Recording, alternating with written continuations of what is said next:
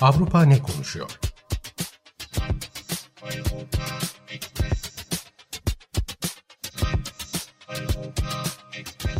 Avrupa medyasından yorumlar.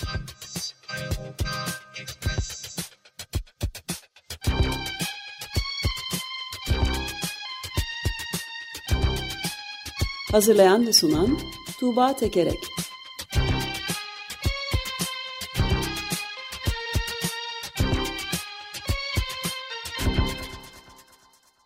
Günaydın Tuğba, merhabalar. Günaydın Ömer Bey. Günaydın. Günaydın Özdeş. Evet, Avrupa ne konuşuyor? Ee, Avrupa ne konuşuyor? Ee, ben her hafta Eurotopics bültenlerinden derlediğim haber ve yorumları aktarıyorum. Ee, Eurotopics bültenlerinde genel olarak işte Avrupa'nın farklı ülkelerinde gündemler ne? E, bunları beş farklı dile e, çevirip e, tüm Avrupa kamuoyunun bilmesi ve tartışması asıl amaç. Bu kapsamda Türkiye'den zaman zaman işte siyaset, çevre haberlerini de çevirip e, di, e, diğer e, ülkelerdeki insanların bilmesini e, sağlıyoruz. E, şimdi Türkiye'deki gündemimiz Akbelen. Açıkçası Eurotopics bültenlerine henüz Akbelen olarak girmedi.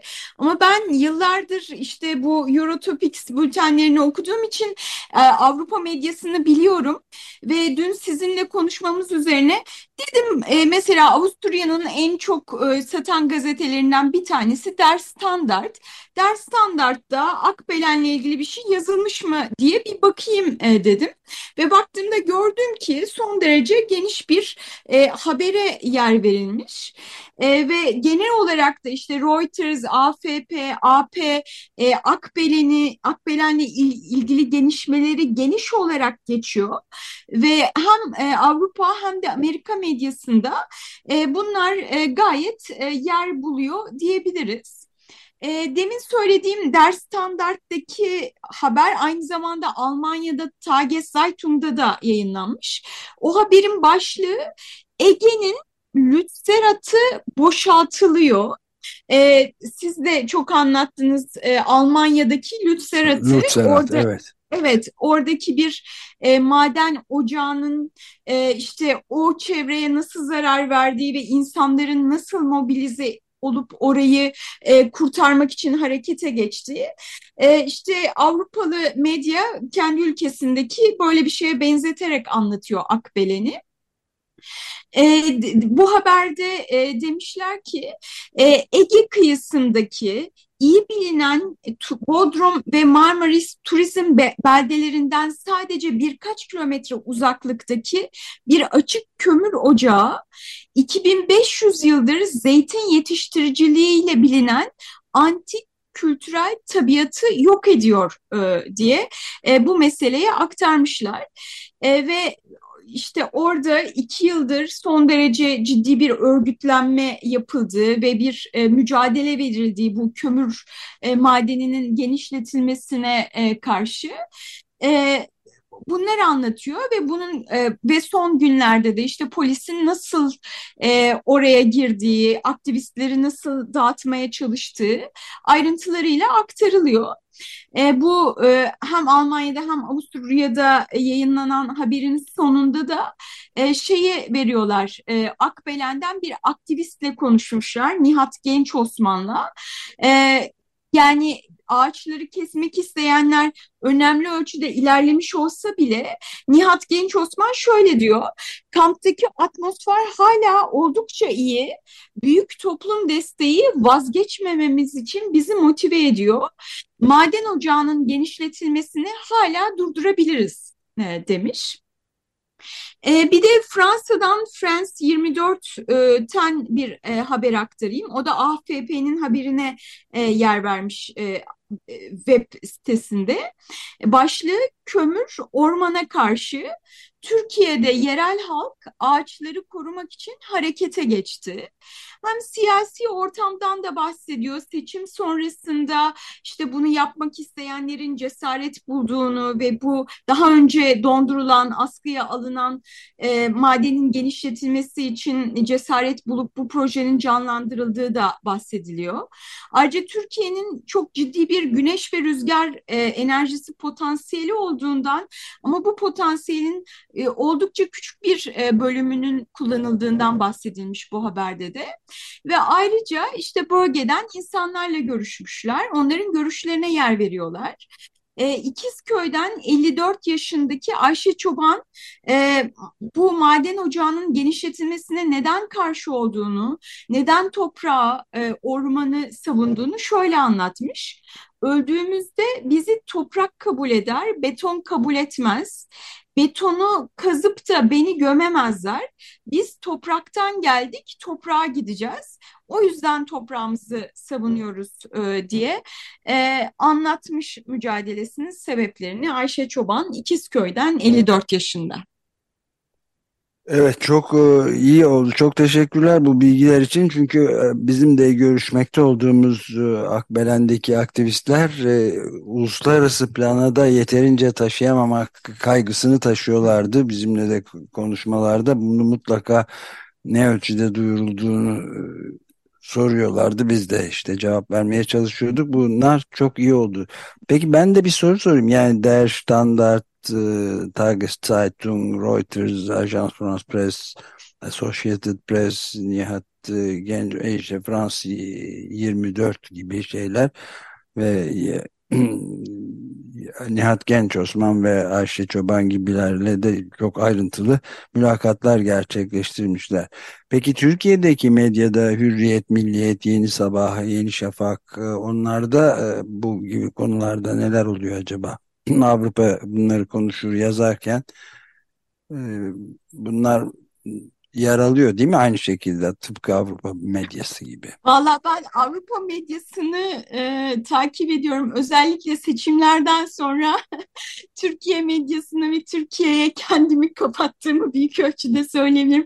O yüzden ben size sorayım. Yeni Şafak'ta, Sabah'ta, Hürriyet'te hiç görüyor musunuz böyle şeyleri Ömer Bey? Hiç görmüyoruz. Hiç görmüyoruz maalesef ve bu yani kanayan yaradının yara teriminin bile ifade etmekten az kalacağı, yetersiz kalacağı bir durum. Büyük bir e, medya e, sorunu ile karşı karşıya olduğumuzu yani Türkiye'nin yalnız Türkiye'nin değil bütün dünya insanlarının hatta bütün börtü böceğin hayvanların da işin içine girdiği e, bir meseleyi yani e, mesela ne bileyim e, Kızılçam'ın, börtü böceğin, sincabın, yeryüzünün yaşam hakkını savunuyor. İkiz köylüler genciyle yaşlısıyla kömürün karasını değil yaşamı savun. Akbelen'e dokunma diye bir e, tweet'i e, 26 Temmuz'da yayınlanmış 350 Türkiye'nin yayınladığı bir tweet'i 27 Temmuz'da Bill McKibben e, Türkiye'deki kardeşlerimiz, e, kız kardeşlerimiz, e, erkek kardeşlerimiz kendi bedenlerini kömür madeninin açılması için ağaçların kesilmesine karşı kendi bedenlerini siper ediyorlar. Onlara teşekkür ederiz diye yorumlar gelirken doğrusu Türkiye'deki medyanın büyük bir yani basılı medyanın özellikle ya da senin biraz önce sözünü ettiğin mesela büyük haber ajanslarının işte AFP'nin, Associated Press'in, France 24'ün vesaire de üzerinde durdukları şeyin e, Anadolu Ajansı'nda ve Türkiye'deki belli başlı yayın organlarında yani kamusal yayın organlarında Türkiye radyo televizyonlarında filan hiç rastlanmaması çok e, yıpratıcı, üzücü bir şey yani. Kesinlikle öyle ama bu arada şey de söyleyeyim yani hani Avrupa medyasını, Batı medyasını da o kadar e, da şey iyi bir yere koyamayız. Yok tabii Ee, yani ben onu kastetmedim. Evet haklısın. Evet, sizin söylediğiniz gibi e, bu meseleleri takip eden yorumcular, gazeteciler var ve bunları gündeme getirmek için e, uğraşıyorlar. E, ama yani ana akımlaşması, ilk sayfalarda yer alması falan e, pek mü- mümkün olamıyor. Yani Türkiye işte göçmenlerle ilgili bir şey olduğunda ya da işte onları daha çok gündemlerine alıyorlar. Yani belli bilinen e, kalıplar var, klişeler var. Hani onların o anlatının içine denk düşenlere e, bol bol yer veriyorlar. Bunlar birazcık daha arka sayfalarda yer alıyor. E, gazetecilerin, yorumcuların kendi kişisel duyarlılıkları etkili oluyor. Bunu da ifade etmek lazım. Evet, evet. Bu meselenin üzerinde etraflıca durmaya devam ederiz. Yani ge- gelecek haftada bakarız Akbelen gibi son derece önemli, kritik bir devrilme noktası diyebileceğimiz şeyde mücadeleden nasıl bahsetmeye devam ediyorlar mı, etmiyorlar mı diye seninle de haberleşiriz. Yani görüş. E, buradan e, şeye geçelim, e, Danimarka ve İsveç'e geçelim. Bunu bir süredir konuşuyoruz. E, oranların e, çok ciddi bir gündemi, ana gündemi bu. E, Kur'an yakılması protestoları ve bunun ardından e, özellikle İsveç'e karşı gelişen e, dünyanın farklı noktalarında özellikle Orta Doğu'da e, gelişen e, tepkiler. E, tüm bunlar üzerine Danimarka ve İsveç şu anda Kur'an yakılmasını kan, e, yani kutsal kitapların yak- yakılmasını yasaklamayı e, hukuken bunun e, yollarını arıyor. Bunu söyleyelim. E, şimdi daha önce işte Rasmus Paludan e, diye birisi Danimarka'da ve İsveç'te işte Kur'an yakıyordu. Daha önce konuşmuştuk. Ramazan ayında Müslümanların daha çok olduğu e, şehirlere gidip e, işte Kur'an yakma eylemleri gerçekleştirmeye çalışıyordu. Son dönemde bu Kur'an yakanların sayısı artmaya başladı. Yani karşılıklı olarak tepki artınca bunların e, yani buna bağlı olarak demeyelim e, tabii ki onları e, şey e, meşrulaştırmak için söylemiyorum. E, ama hem e, tepkiler hem de Kur'an yakma e, eylemleri, protestoları artıyor. İşte son e, zamanlarda Irak'tan gelmiş bir Hristiyan mülteci İsveç'te Kur'an yakmaya başladı. Bir kere yakmıştı daha önce. E, önceki haftada tekrar yaktı. E, bunun üzerine Irak'taki İsveç e, Büyükelçiliğin ateşe verildi. E, İsveç Başbakanı Ulf Kristersson e, polise polis e, Kur'an yakma eylemleri için son dönemde gelen taleplerin ciddi ölçüde arttığını, bu talepler gerçekleşirse yani polis bunlara izin verirse bunun ciddi bir çok ciddi bir risk oluşturacağı konusunda kendisinin çok kaygılı olduğunu söyledi. Yani bu polise başvuru dediğim şey ne? Siz İsveç'te bir protesto eylemi yapacağınız zaman hem kendi güvenliğiniz için hem kamu güvenliği için polise başvuruyorsunuz. Polise bunu önceden bildiriyorsunuz. Ee, daha önce bunlar izin veriliyordu. Polis iki kere bu tepkiler e, işte bu kaotik ortam e, oluşunca iki kere izin vermedi İsveç'te Kur'an yakma eylemlerine. Ama bu kararlar mahkemeden döndü. E, yani dolayısıyla hani polis de e, bu izin vermeyerek bunu durduramıyor.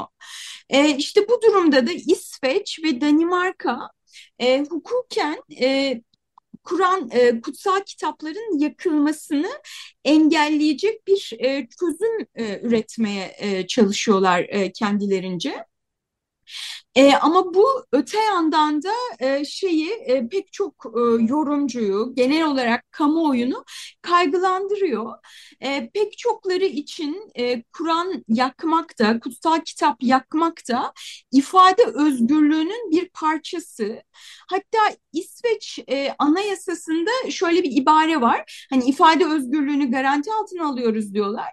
E, bu bu ifade edilen şey inanan kişi tarafından acı verici olarak algılansa bile onu onu incitse bile dini konuları sorgulamak da ifade özgürlüğüne dahildir e, deniyor. Dolayısıyla şimdi böyle bir e, yasak gelecek olursa bu ifade özgürlüğünün kısıtlanması e, olur diyor pek çok yorumcu. E, İsveç'te kamu televizyonu SBT bir araştırma yapmış. Buna göre İsveçlilerin e, yüzde 53'ü e, Kur'an e, yakılması eylemine karşı ama yüzde 34'ü de izin verilmeli diyor. Yani e, hani karşı olsak bile e, bu bir ifade özgürlüğünün parçasıdır ve ifa, e, şey Kur'an yakılmasına izin verilmeli diyor. Yüzde 13'ü de bu konuda kararsız olduğunu e, ifade etmiş. E, şimdi genel argüman yani Kur'an yakmaya yasak getirirsek e, bu yasakların sonu olmaz e, şeklinde.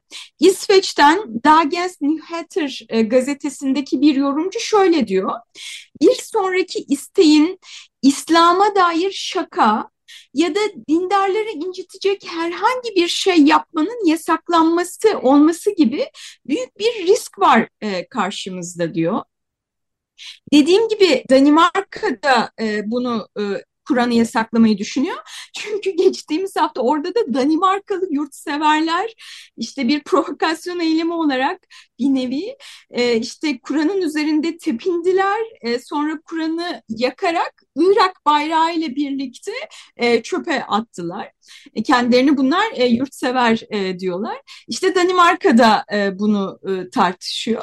E, Danimarka medyasından da e, şöyle bir e, tepki gelmiş. Şiddete boyun eğerseniz daha az değil daha çok şiddete maruz e, kalırsınız.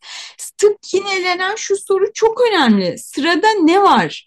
Asıl e, bu yapılanlara şiddetle yanıt verenler ka, kamu düzenini tehlikeye atıyor. Onları durdurmak e, lazım e, demiş.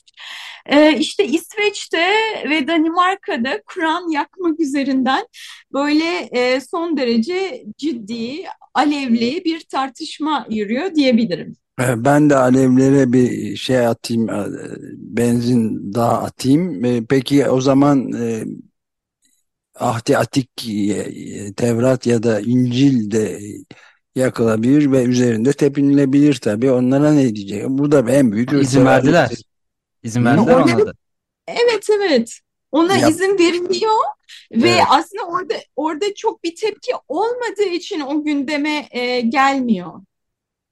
Ee, şey e, bir e, Iraklı İsveç'te Irak'ta bir İsveç vatandaşı İncil yakmak üzere e, izin aldı. Bu izin verildi. Bütün basın geldiğinde bir nedense İncil'i bu arada sinagogun önünde yakmaya e, karar vermişti. Bütün basın geldiğinde açıklama yaptı.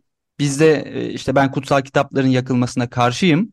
Bu kitabı da yakmayacağım. Basının ilgisini çekmek için bu eylemi yaptım diye aslında oldukça hoş bir e, evet. şey eyleme çevirmişti. Bütün basının ilgisini bu şekilde çekmişti. Ama bu İsveç yani Danimarka'daki ifade özgürlüğüyle nefret eylemlerini birbirine karıştırma hali evet. Türkiye'de de aşırı yani... sağı korkunç yükselmesine sebep oldu. Yani ben de oradaki yıllarımdan hatırlıyorum. Nazilerin yürüyüşüne izin ha, vermek. Ben de şeyi evet, onu kastediyordum. Yani Nazilerin otodafe denilen işte bütün topluca kitap yakma seansları evet, ne evet. kadar önde gelen düşünürü, yazarı, çizeri varsa hepsinin kitaplarını toplayıp ayin şeklinde alevlere atmaları durumundan bahsediyoruz. Bu bir nefret suçunun da ötesinde bir provokasyon yani.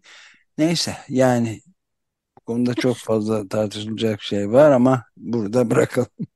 Yani ben şunu da e, ekleyeyim. Yani İsveç İsveç'in yasalarında işte herhangi bir e, e, grubu aşağılamak da e, bir suç ve buna da izin verilmiyor. Ama Kur'an yakmanın bir insana e, yönelik bir eylem olduğu değil bir nesneye yönelik bir eylem olduğunu e, savunuyor yasaklanmasın e, diyenler. E, hani orada yani kimilerine göre Kur'an yakmak bir grubu aşağılamak değil dolayısıyla yakılabilir bu bir ifade özgürlüğüdür e, diyorlar. Böyle şey de bu arada bilgi olarak şunu da ekleyeyim. E, bunun aslında daha e, işte devletlerin de karıştığı bir boyutu olduğu söyleniyor.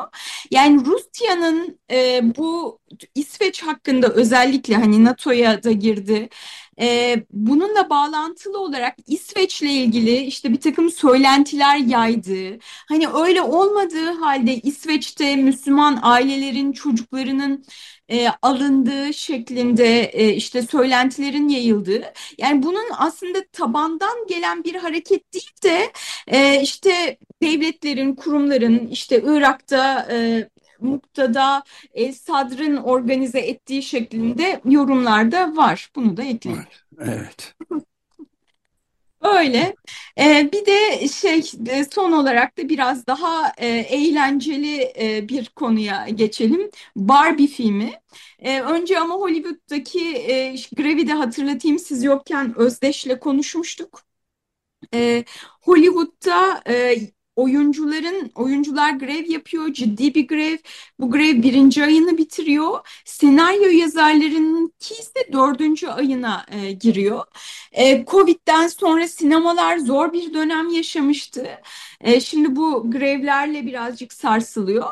Ama yine de bu Barbie ve Oppenheimer filmleri e, işte sinema salonlarını doldurdu iyi gişe yapıyor. Hani bir açıdan e, yüzler gülüyor ama öte yandan bu Barbie filmi, salonları dolduran bu Barbie filmi nasıl bir film? E, kimileri diyor ki e, işte e, bir Rus gazetesi şu an Avrupa'da yayınlanıyor. Oradaki yorumcunun söylediklerini aktarayım. Sinema tarihindeki hiçbir ana akım komedi filminde patriarki sözü bu kadar çok geçmez. Barbie filmi yalnızca bir komedi değil, aynı zamanda bir eşitlik manifestosu, toplumsal cinsiyet meselelerine dair nüktedan bir rehber, önümüzdeki yıllar için bir alıntı ve mem deposu demiş. İşte bunu bir eşitlik manifestosu olarak nitelendiren pek çok yorumcu var. Ama Barbie filminin bir başka yüzü de e, son derece önemli bir pazarlama e, şeysi olması aslında. Pazarlama e, ürünü olması. İspanya'dan bir yorumcu e, diyor ki pardon Almanya'dan Deutsche Zeitung'dan yorumcu diyor ki bu film feminizmi para kazanmak için araçsallaştırıyor. E, Barbie'nin üreticisinin e, Mattel firmasının pazarlama departmanını tebrik etmek lazım. Bundan iyisi hakikaten olamazdı demiş. Pazarlama derken neyi kastediyoruz? E, bir iki yıl öncesinden Barbie yüzden fazla markayla kurumsal işbirliği, ortaklık anlaşması imzalamış. Bu Pardon kapsamda... son dediğini e, tam anlayamadım. Bir daha söyler misin lütfen? Ne anlaşması, kiminle? E, ortaklık anlaşması, pazarlama alanında ortaklık hmm, anlaşması imzalamış. Çok, Mesela çok Crocs terlikleriyle. İşte Crocs terlikleri işte Barbie'li e, terlikler üretiyor. Google'a Barbie yazdığınızda bir deneyin. Ben denedim bilmiyordum. E, arama motoruna e, çıkan sayfada pembe pırıltılar e, fırlıyor, sizi karşılıyor.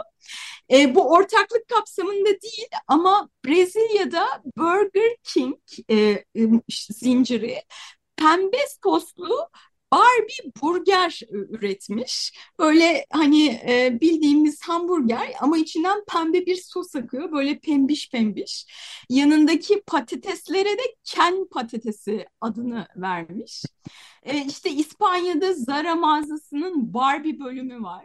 E, yani bu örnekleri internete baktığınızda böyle yani sigorta firmaları bile Barbie ile ilintilendirilmiş işte şeyler e, veriyorlar, e, sigortalar e, veriyorlar. Öyle şeyler pazarlıyorlar müşterilerine. Yani gerçekten inanılmaz bir strateji.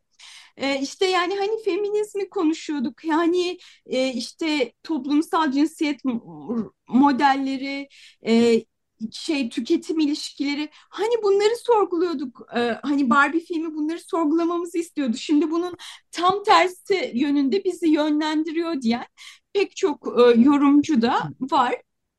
E, Polonya'dan Newsweek Polska e, gazetesinden de, dergisinden bir yorumcunun e, cümlelerini aktarayım. Pembe renkli ürün bolluğu raflara geri döndü. Tıpkı çocukluğumdaki gibi. Şimdi tek bir fark var. Şimdi yetişkinlerin alışveriş yaptığı mağazalarda bu pembe renkli ürünleri gör görüyoruz. Güya Barbie filmiyle feminizm, e, ka kadınların ve erkeklerin beklentileri, tüketim alışkanlıkları üzerine düşünmemiz gerekiyordu. Fakat yine başa döndük.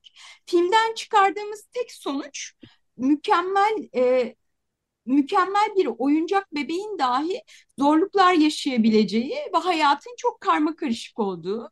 Barbie krizde, Ken krizde, hepimiz krizdeyiz. Ruh halimizi düzeltmek için ne yapalım? Hadi hep beraber pembe bir şeyler satın alalım diye yazmış buradaki yorumcu da. Evet, işte güzel bir yazıymış. Barbie'nin getirdiği de böyle bir tartışma var. Evet, harika. Ben de son bir süreyi de bitirdik ama e, son bir e, eklemede bulunayım. Uzun zamandan beri çeşitli renklerle yapılan badanalardan bahsediyoruz. Bu da pink washing olarak geçebilir herhalde. Ama. Pembe ama Amer-. Amer- Amerikan Sağı erkek karşıtı film olarak yaftaladı bu filmi bu arada. Pembe, yani. pembe badana üzerinde düşünelim arkadaşlar. Çok teşekkür eder, ederiz. Tamam. Hoşçakalın. Bu Burada haftalık görüşmek Eurotopics bültenlerinden bu kadar. Gelecek hafta görüşmek üzere. Görüşmek üzere. Hoşça kalın.